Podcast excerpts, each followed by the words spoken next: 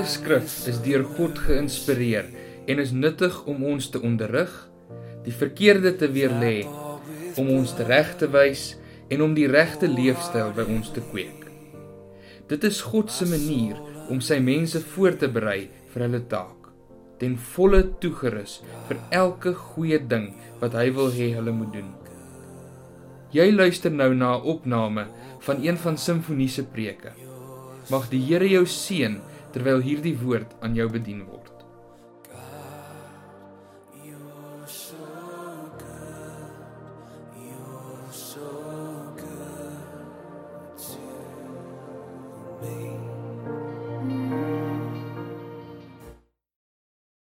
Daar kom ek nou aan. Ehm um, ek glo en vertrou julle sit lekker warm daar waar julle sit. Weet jy, ek sit so in die bank en ek het so 'n uh, ek wens dit was eintlik vanmôre nagmaal Sondag gewees. Want die nagmaal bind ons so saam as die liggaam van die Here. Dit skep so eenheid onder ons en weet jy ek dink in hierdie tye waarin ons nou leef um met COVID en al die hartseer en goeters wat so rondom ons is het ons net weer nodig om te weet ons is deel van 'n groter geheel. Dat ons deel is van die Here se liggaam wat hy versorg hier op aarde, dat hy ons nie alleen laat nie. Ek sit so toe ek toe ek daarso sit en ons ons deel die tyding met met u oor oom Wimpie en oor tannie Alta se sussie en ek dink aan al die mense wat in die laaste paar weke ons so ontval het aan die dood. Jy weet ek ek wat hierso voor julle staan, ek weet nie hoe sou ek dit gemaak het in die lewe sonder die woord van die Here wat my vertroos nie. Ek weet nie hoe sou hoe maak mense dit wat nie die Here het om aan vas te klou nie. Ek ek dit gaan my verstand te bowe. En dit is net vir my baie baie lekker om vanmôre hierso saam met julle in die huis van die Here te wees. En ons moet nooit nooit ooit daardie voorreg minag nie. Jy weet al is ons min, dit maak nie saak nie. Ons moet by die huis van die Here uitkom. Dawid het geskryf, ek was bly toe hulle vir my gesê het, kom laat ons na die huis van die Here toe gaan. Is jy nog bly dat jy kan kerk toe kom? Dit is so 'n voorreg. Dit is regtig 'n voorreg. Nou ek wonder as ek jou vanoggend sou vra hoe jy voel ehm um, wat jou antwoord sal wees. En om jou dalk nou om dit jou so 'n bietjie te lei, my boetie het 'n dogtertjie sy so 5 jaar oud amper en as ons aan haar wil kommunikeer dat sy nou stout was, nê, nee, dan sê ons vir haar, "Jesus, jy weet, dit maak my nou regtig sad." Maar as ons vir haar wil sê, "Jesus, sy maak ons nou trots en sy sy, sy doen goeie dinge in ons harte," dan sê ons vir haar, "Eeg Amelia, dankie, dit maak ons nou sommer baie happy." So as ek jou vanmôre vra, daar waar jy sit, is jy happy of is jy sad? En so 'n bietjie agtergrond rakende dit, soos jy weet, ek staan ook in 'n voltydse betrekking by 'n groot korporatiewe firma. Um en my grootste verantwoordelikheid gaan oor die opleiding van ons mense. En omdat dit nou opleiding is, het ek nou nogal redelik insig in die menslike hulpbronne kant van die organisasie. En baie keer dan sit ek in vergaderings en dan hoor ons hoe dat mense sê vir al die laaste paar maande dat die werksmag is onder geweldige druk. En en dat daar 'n algehele swaarmoedigheid rus op ons werknemers. Ek het 'n buurman ook wat in die polisie is en hulle is nou met al hierdie onluste en goeters is hulle op 'n volskaalse ontplooiing. Hy werk 7 dae lank 12 uur skofte en dan sy een dag af dan gaan die siklus net weer van voor af. So die mense is verskriklik besig en hulle hulle het swaarmoedigheid wat op hulle rus, jy weet. Um en ek praat nou die dag met hom, die polisieman en ek ek, ek vra vir hom, "Hoe gaan dit met jou?" En hy sê, "Ek is moeg. Ek is pootheid." So waar ons bid ook met ons vir ons veiligheidsmagte en die polisie moet ons regtig intree geliefdes. Maar as ek hom nou vra hoe hy sou voel, sal hy waarskynlik ook vir my sê hy's 'n bietjie sad. En ek vertel hierdie waarnemings vir jou om om 'n punt te maak dat ek dink 'n groot deel van ons mense, selfs baie van ons wat dalk hierso sit vanmôre, is dalk sad. As ek jou moet vra, hoe voel jy? Hoe voel jy vanmôre? Nou wie van julle het al dryfsand gesien? In 'n fliek dan sal hulle nou in Engels praat van quicksand. Jy weet, jy loop so en dan ewe skielik sit jy vas en jy kan nie daar uitkom nie en jy begin so te te sink, nê? Nee? Nou die Engelse woord, soos wat ek sê, dit is quicksand, die Engelse woord daarvoor. En wat gebeur as 'n mens so sad is, soos wat ek nou van gepraat het, of jy's in 'n depressiewe lewenstoestand? Dit kan wees soos 'n poel dryfsand waarin jy beland. Voordat jy jou kan kry, is jy hier en jy kan amper nie uitkom nie. En dit sluk jou meer en meer in as jy nie op jouself sou let nie. En dis vir my 'n verskriklike interessante analogie want weet jy Jesus het in Matteus 7 iets gesê. Hy sê as ons nie na sy woord luister en dit doen nie, sal ons lewe wees soos 'n huis wat op sand gebou is. Wat as die storms kom in mekaar val. En dan sê hy iets interessant daar. Hy sê en die val is geweldig. Dis 'n geweldige ineenstorting wat plaasvind. Maar en dis 'n goeie maar. Prys die Here want as ons na sy woord luister en dit doen, dan beloof hy ons dat ons lewe sal wees soos 'n huis wat op 'n rots gebou is wat nie in een sal stort wanneer die lewenstorms kom nie. En daarom, liewe broer en suster, is dit 'n hartseer realiteit dat so baie mense wat vandag sad is in daai toestand gaan bly. Want eerstens hulle ken nie vir Jesus nie.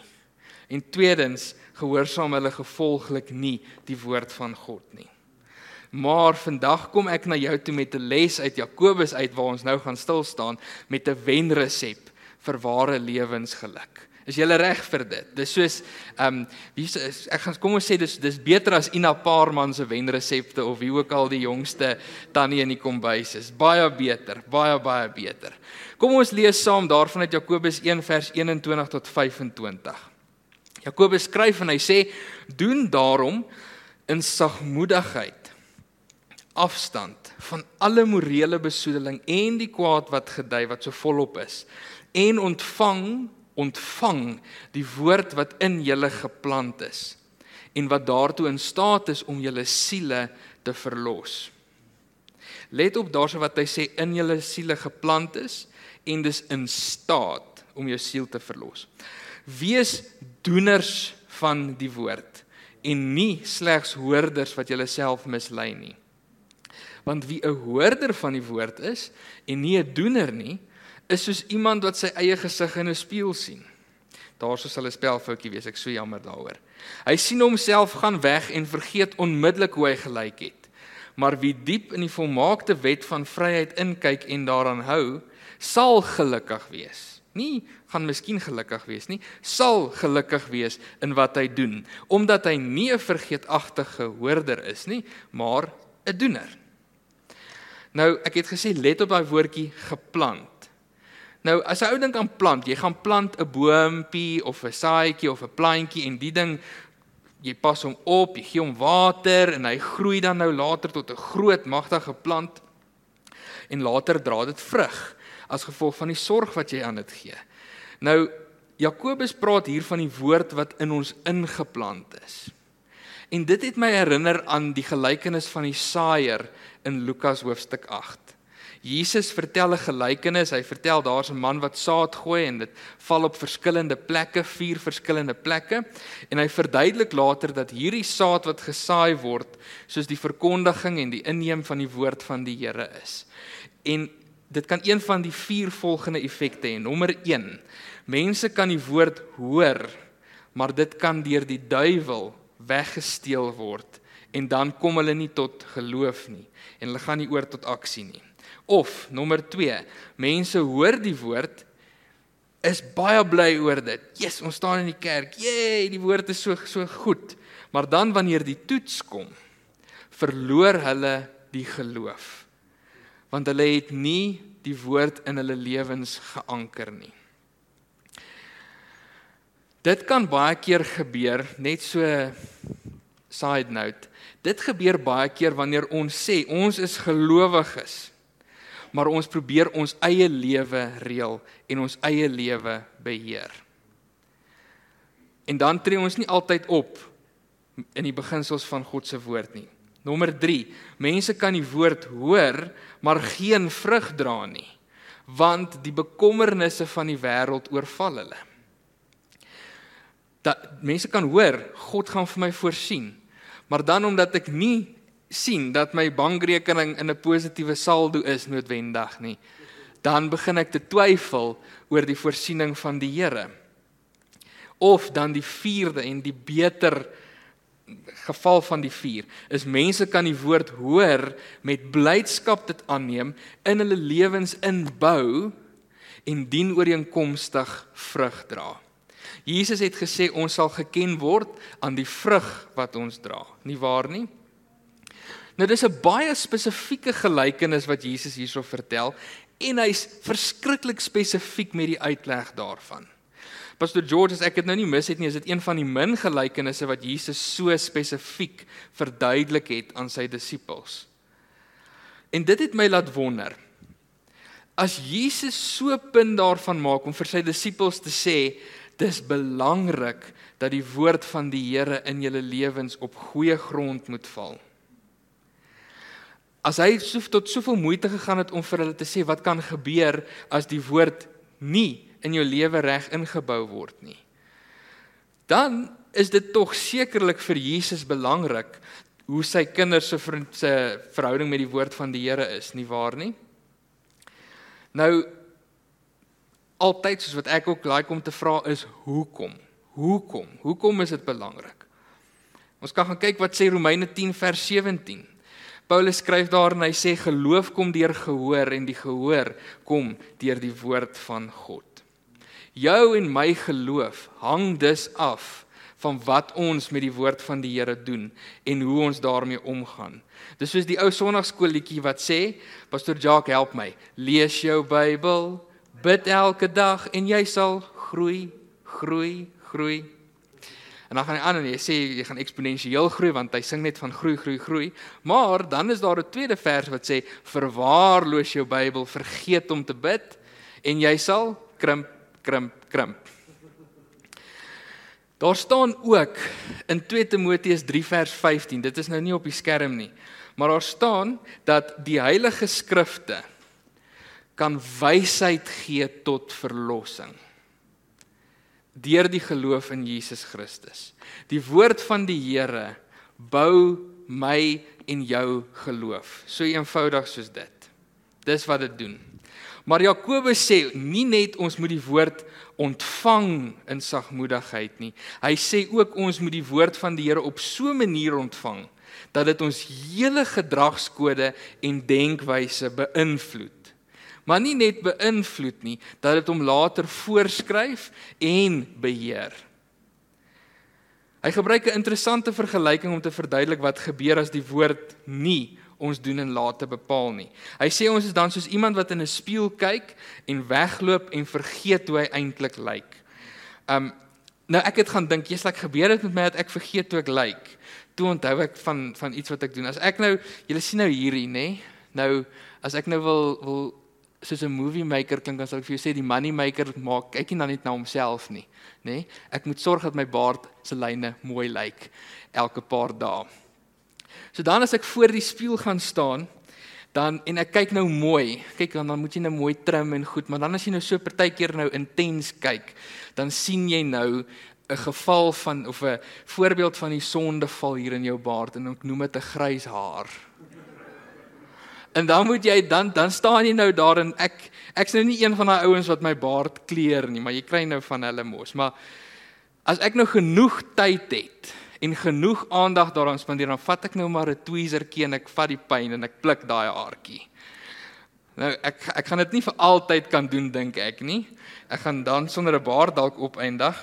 Maar as ek as ek hastig is, dan doen ek dit nie en ek vergeet van hierdie van hierdie grys haar. En later onthou ek en ek sal hom sien dalk een oggend as ek tande borsel of wat ook al, dan sal hy my nou genoeg plaaslik om uithaal. Maar jy sien, as ek genoeg tyd spandeer voor daai spieël en genoeg tyd het om in detail te kyk wat gaan aan dan kan dan sal ek dit nou versorg. Maar as ek vinnig moet klaarmaak, dan gaan ek dit los tot 'n volgende keer. En so iets kan ook met ons gebeur as dit kom by die woord van die Here. Ons kan dit vinnig net elke dag lees of dalk op ons fone Google net om daai boksie te tik wat sê jy moet gereeld jou Bybel lees of elke dag. Maar dan wanneer ons deur die dag kom of aan die einde van die dag, dan het ons klaar vergeet wat ons gelees het vir môre. Ons het dalk daar gesit met die met die geopende woord en die Heilige Gees het in ons hart gewerk en gesê, "Joeg, daar's dalk 'n bietjie ongeduld wat nie daar hoort nie. Die die water van die Heilige Gees moet dit wegwas." Of iets soos dit. En die dag het verloop en daai wonderlike ervaring wat ons gehad het aan die begin van die dag is net weg. Dis gone. Maar as ons met doelgerigtheid en intensiteit by die woord van die Here stil staan en toelaat dat die Heilige Gees met ons werk, dan gaan ons nie noodwendig vergeet wat ons vanmôre gelees het nie, maar deur die hele loop van die dag gaan die Here met ons praat. Baie mense vra my baie keer, "Hoe beoefen ek die teenwoordigheid van die Here?" Wel, daar seker 'n klomp antwoorde wat 'n mens kan sê oor dit, maar die een ding is dat jy moet leef met die Here op jou gedagte. Dit help nie jy jy jy jy sit die Here in 'n boksie vroeg vanmôre en laat vanaand en die res van die dag vergeet jy van hom nie. Ons moet leef met die Here in ons lewe. Ons ons moet as ons ry in die kar moet ons bereid wees om met hom te kan praat. As ons by die in die winkel staan, moet ons bereid wees om met hom te kan praat en na hom te luister. Maar ons ons lewe is so gejaag deesdae dat ons dit nalat, dat ons dit nie 'n deel maak van ons lewe nie. Maar weet jy dat jou verhouding met die Here moet elke aspek van jou lewe beïnvloed? Elke aspek. Die films wat jy kyk, die plekke waar jy gaan, hoe jy vir 'n taxi nie hoeter blaas op die pad nie. Dit moet elke aspek van jou lewe moet die moet jou verhouding met die Here beïnvloed en nie net jou verhouding met die Here nie, maar die Heilige Gees moet jou moet jou lewe beïnvloed. Wie van julle is dankbaar vir die Heilige Gees in jou lewe vanmôre? Toe ons daai ehm um, derde lied sing, toe ervaar ek hierso is die Heilige Gees nou swaar teenwoordig hier in hierdie gemeente. Father in heaven, we adore you. We lift your name in all the earth. May your kingdom be exalted in our praises, nê? Nee. Is dit nie wonderlik om te kan weet dat die Heilige Gees maak vandag nog moeite met jou en my nie. Die Here is goed en die Here is groot. Jy sien Daar in vers 21 het Jakobus nog 'n interessante woordkeuse gemaak. Hy sê die woord van die Here is in staat om ons siele te verlos. Maar hy sê nie dit sal ons siele verlos nie. Of dit gaan net sonder enige meewerking van ons kant af te doen nie. En as ons siele verlos is, is dit nie sodat jy voel en jy weet hier's 'n gevoel van lewe binne in jou nie. As jy weet jy leef in verlossing, dan lewe jou lewe as dit sin maak. Jy voel net lewend voor voor die Here. So as jy vandag daarso sit of jy kyk dalk aanlyn en jy het nie 'n gevoel van lewe hier binne in jou nie, sal my eerste vraag aan jou wees: "Oké, okay, maar hoe lyk jou verhouding met die woord van die Here?" Hoe bou jy die woord van God in jou lewe? En Pastor George het nou eendag vir die pastore 'n aanhaling wat sê, "Reading scripture in the morning is not like splashing water on your face, but like drinking down a glass of it." It won't calm and heal us if it is only absorbed at a surface level. So let us slow down and enjoy the nourishment. Jy sien, dit is wat die Bybel vir ons gee. Dit gee vir ons voeding. Dit voed ons in tye van rampspoed, van eensaamheid. Dit lei ons in tye van onsekerheid. Dit gee vir ons die belofte van verlossing. Dit wys vir ons die toekoms aan. En wie van julle weet dat die toekoms is 'n ewige lewe saam met Jesus? En dat ons binnekort by hom gaan wees. Baie vinniger as wat ons ek dink besef. Maar vir ons om hierdie voedingswaarde te kan beleef, moet ons die Bybel doen en leef. Dit is wat lei tot ware lewensgeluk, liewe kind van God. In Jakobus 2 praat hy van 'n dooie en 'n lewende geloof. Het jy geweet jy kan 'n dooie geloof hê? Dooie geloof gaan jou nêrens bring nie. En hoewel dooie geloof dalk kan maak dat ons wel ek dink intedeel dooie geloof gaan waarskynlik dit maak, gaan maak dat ons die hemel kan misloop. Dink ek daar is 'n ander gevolg wat meer onmiddellik nou aangevoel en ervaar kan word. Het jy al agtergekom wat gebeur wanneer dood in 'n situasie intree? Die hele atmosfeer word sommer so somber en mistroostig en hartseer en nie lekker nie. Dink maar net aan die laaste paar maande, soveel soveel mense in ons gemeente wat ons ontval het. En die dood is 'n vyand wat net verwoesting kom saai en leegheid bring. Maar Jesus het die dood oorwin. Dood, waar is jou angel? En ons weet dat ons binnekort ten volle van die dood verlos gaan wees. Maar ek dink nogal dat dieselfde gevoel wat oor 'n huishouding of 'n persoon kom wanneer iemand sterf, is teenwoordig by iemand wat 'n dooie geloof het. Wat bedoel ek daarmee? Jy loop rond met so 'n leë gevoel van leegheid, van mistroostigheid, van somberheid, van teleurstelling dat jy dalk nie die Here tevrede stel nie. Nê? Nee? En dalk selfs som depressiwiteit. Dit is wat gebeur as 'n mens gelowig wil voorkom met jou woorde, maar jou dag tot dag doen en late getuig nie van dieselfde goed wat jy met jou mond in die openbaar vir almal vertel nie. 'n Paar voorbeelde is om sonde te doen wat nie by 'n heilige kind van God se lewe pas nie. Om jou tong, Jakobus is baie spesifiek om jou tong nie in toom te hou nie en ander mense sleg te sê in die openbaar of in die privaatheid om jou gedagtes nie te beheer nie en om welis en gierigheid en al daai soort van dinge toe te laat. Om te bely dat die Here jou voorsiener is, dat die Here jou voorsiener is. Maar dan jou siel so te sê gaan verkoop aan jou werk. En jy vergeet jou families en jou jou geliefdes. Nou ek weet dat om 'n lewe te leef waar net 'n paar van hierdie voorbeelde dalk teenwoordig is, 'n mens leeg laat voel. Nie net dit nie, maar ek dink Jakobus praat hier van 'n beginsel wat wat ons nie so duidelik raak sien nie en dit is die effek van ons dade in die wêreld daar buite. Jy weet baie Christene vandag is net Christene by naam. Dis 'n realiteit. Dis 'n realiteit van die tyd waarin ons leef. Hulle optrede getuig glad nie van die vrug van die gees of ander deugde wat pas by die kind van God nie.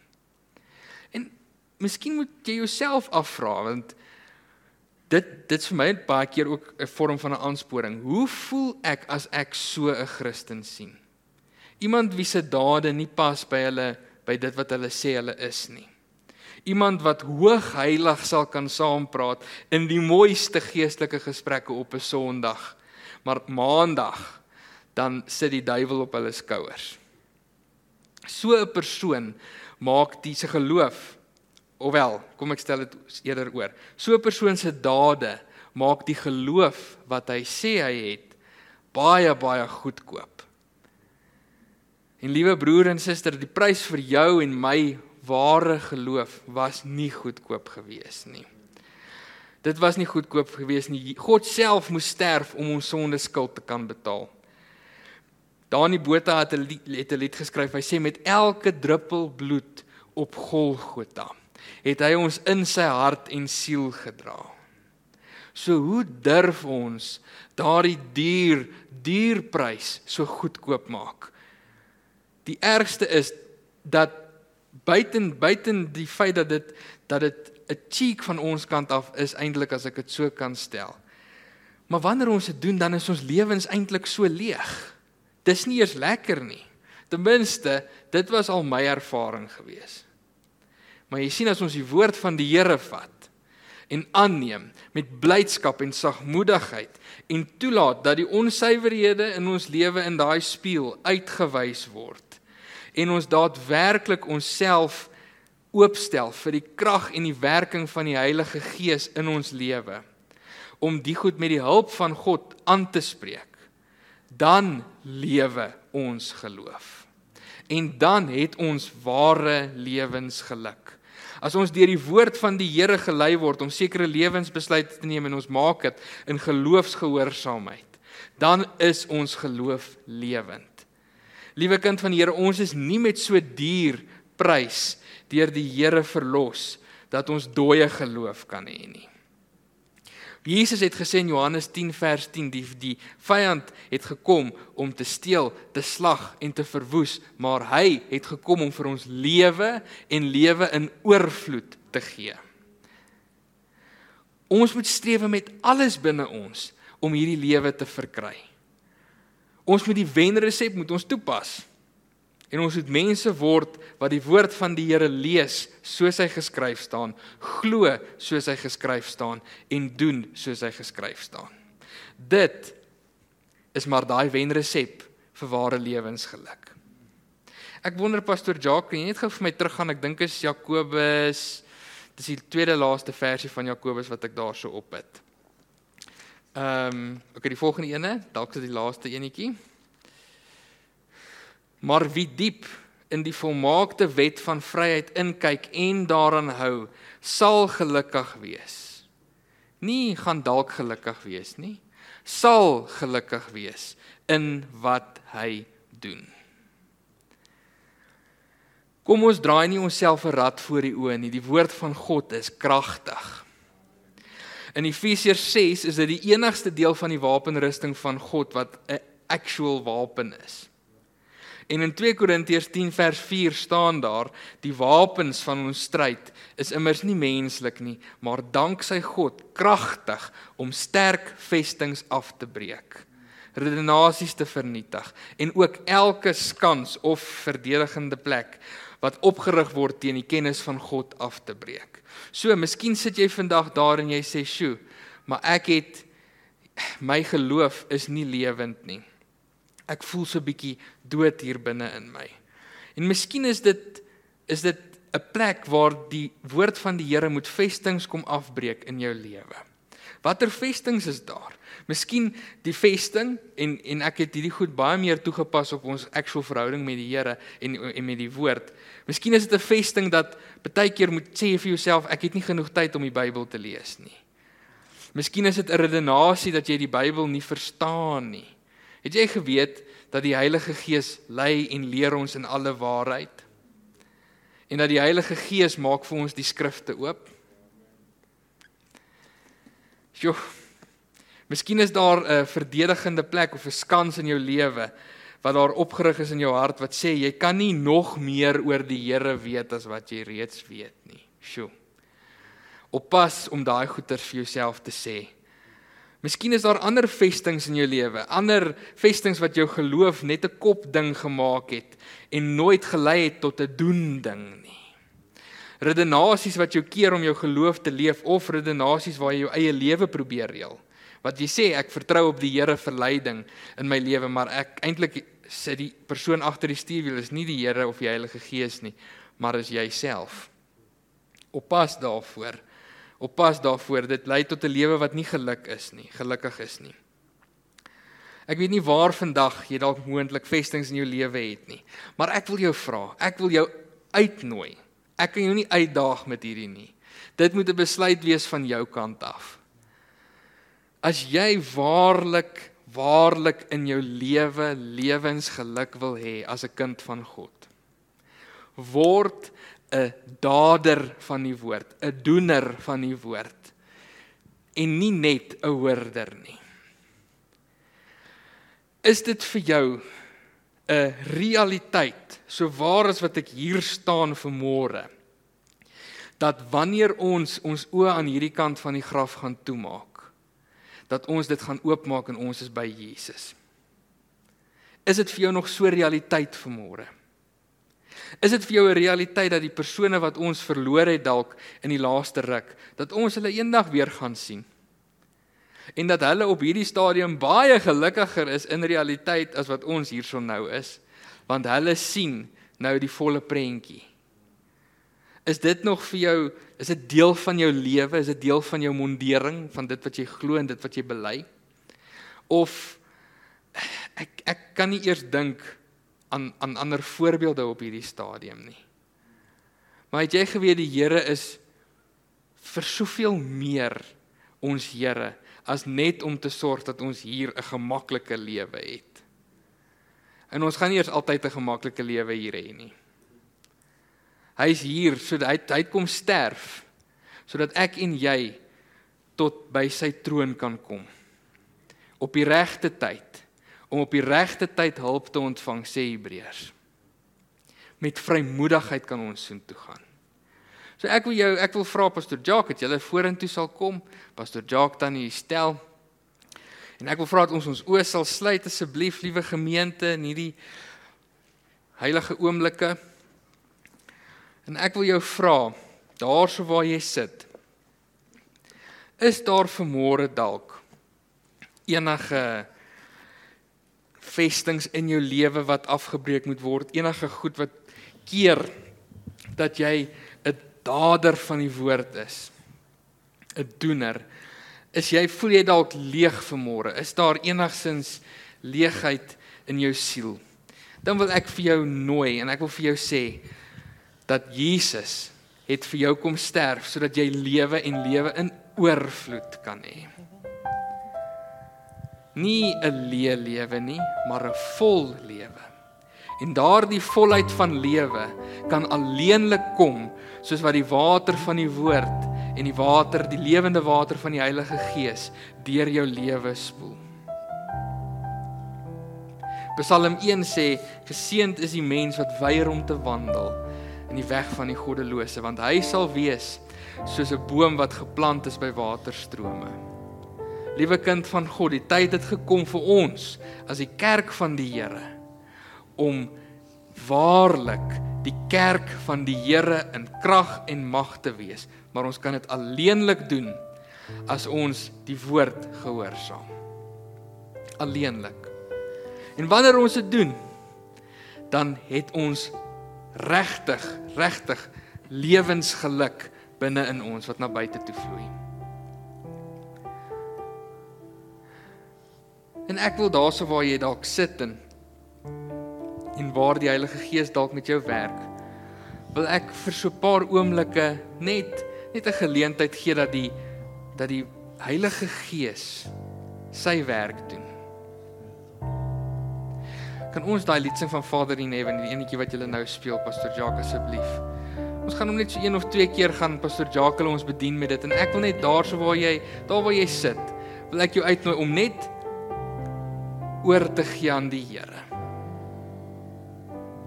As jy dalk iets moet bely, bely dit. Kniel in jou bank, maar spandeer net kom ons spandeer so 'n paar oomblikke net in die teenwoordigheid van die Here. Baie dankie pastoor Jacques.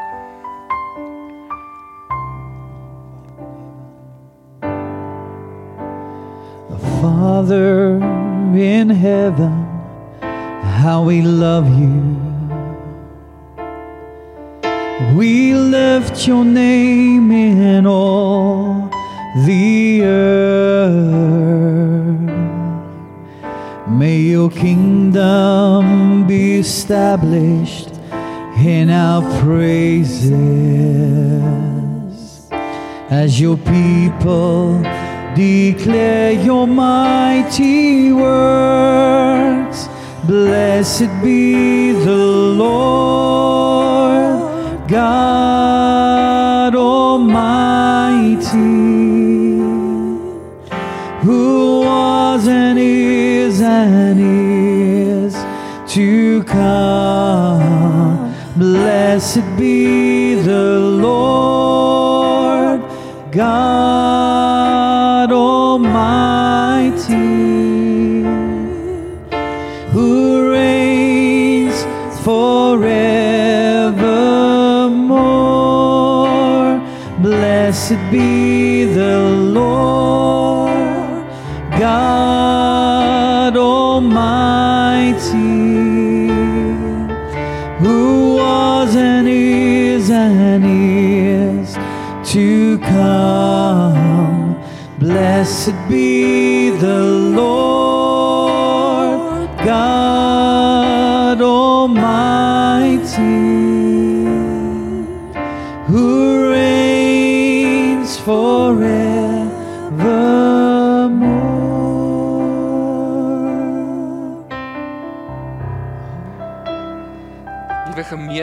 wil vra daarso waar jy sit met jou oë gesluit.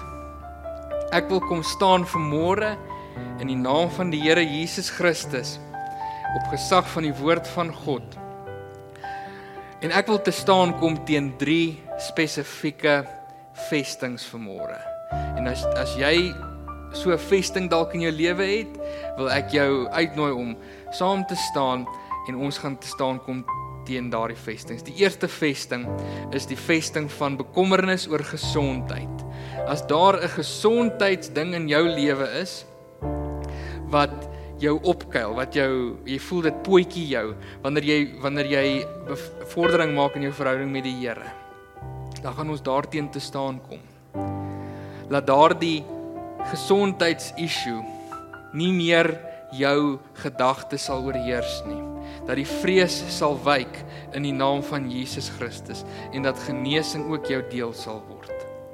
Tweedens wil ek te staan kom teen 'n vesting van 'n vrees vir voorsiening vir die dag van môre.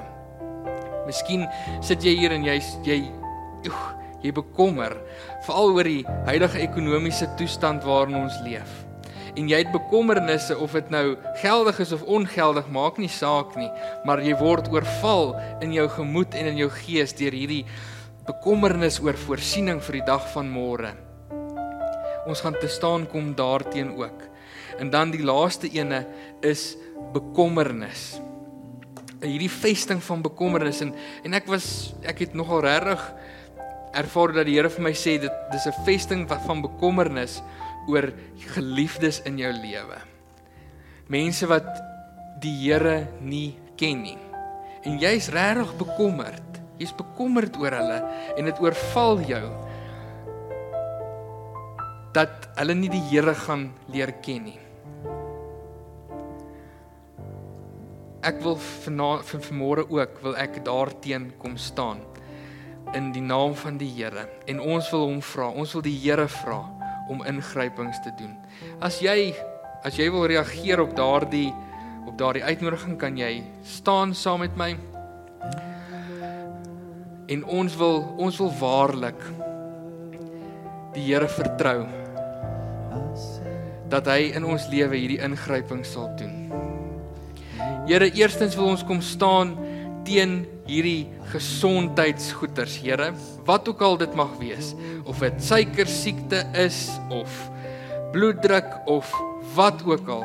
Here, maar ons wil kom staan teen die vrees wat hierdie vestings bring in ons mense se lewens. En in die naam van Jesus wil ons daardie gees van vreesagtigheid na buite dryf en sê hy het geen plek in ons lewe nie. Want God het vir ons nie 'n gees van vreesagtigheid gegee nie, maar van krag, van liefde en van selfbeheersing. Here en ons eer U in die naam van Jesus vir die kosbare werk wat U doen in ons lewe. Vir elkeen wat genesing benodig, wil ons genesing afbid oor hulle en ons wil vra o Heilige Gees dat U hulle liggame sal aanraak in die naam van Jesus Christus. En dat hulle sal kan getuig dat my vrees is weg, maar ek het ook gesondheid van die Here af ontvang. Here en dan wil ons te staan kom teen die teen die vesting van 'n vrees vir die voorsiening vir die dag van môre.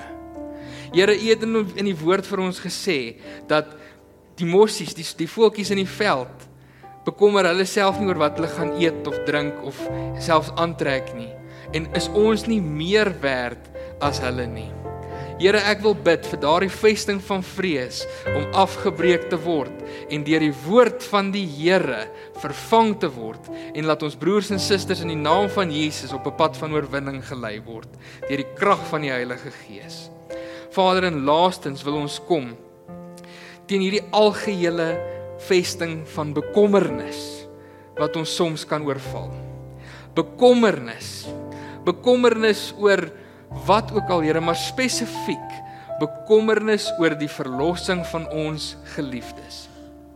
U het in u woord, Here, het u vir Job gesê, ek sal jou huis herstel ooreenkomstig jou geregtigheid.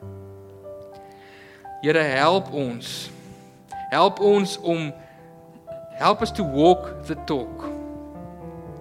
Help ons om doeners te wees van u woord in elke aspek van ons lewe, Here, in elke aspek. Mag u Heilige Gees en u woord ons lewe lei sodat ons kan weet ons kan op u staat maak, Here, wanneer ons u vra om in te gryp in ons geliefdes se lewens, dat u dit sal doen.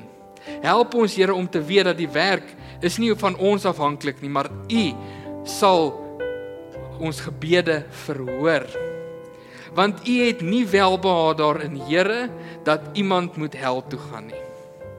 U het nie welbehaag daarin nie. U sê dit vir ons in die woord. Maar ons wil vra Here, gryp in en red ons geliefdes en verlos ons van die bekommernis wat ons so maklik kan oorweldig in hierdie geval. Ons eer U en ons is lief vir die gemeente. Ek wil vra dat julle almal sal staan en die seën van die Here ontvang.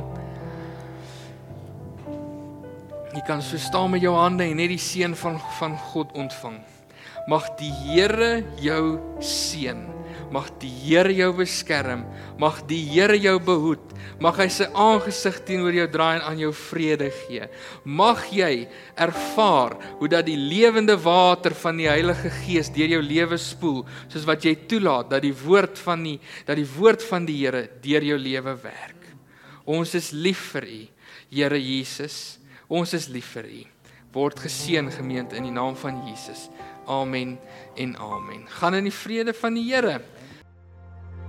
Oh, sing it to him, sing God, you're so.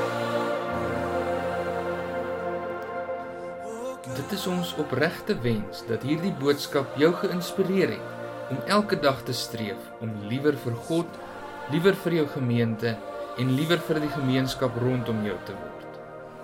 As jy meer wil uitvind oor simfonie en wat daar gebeur, besoek gerus www.simfonie.co.za. Mag die Here jou seën.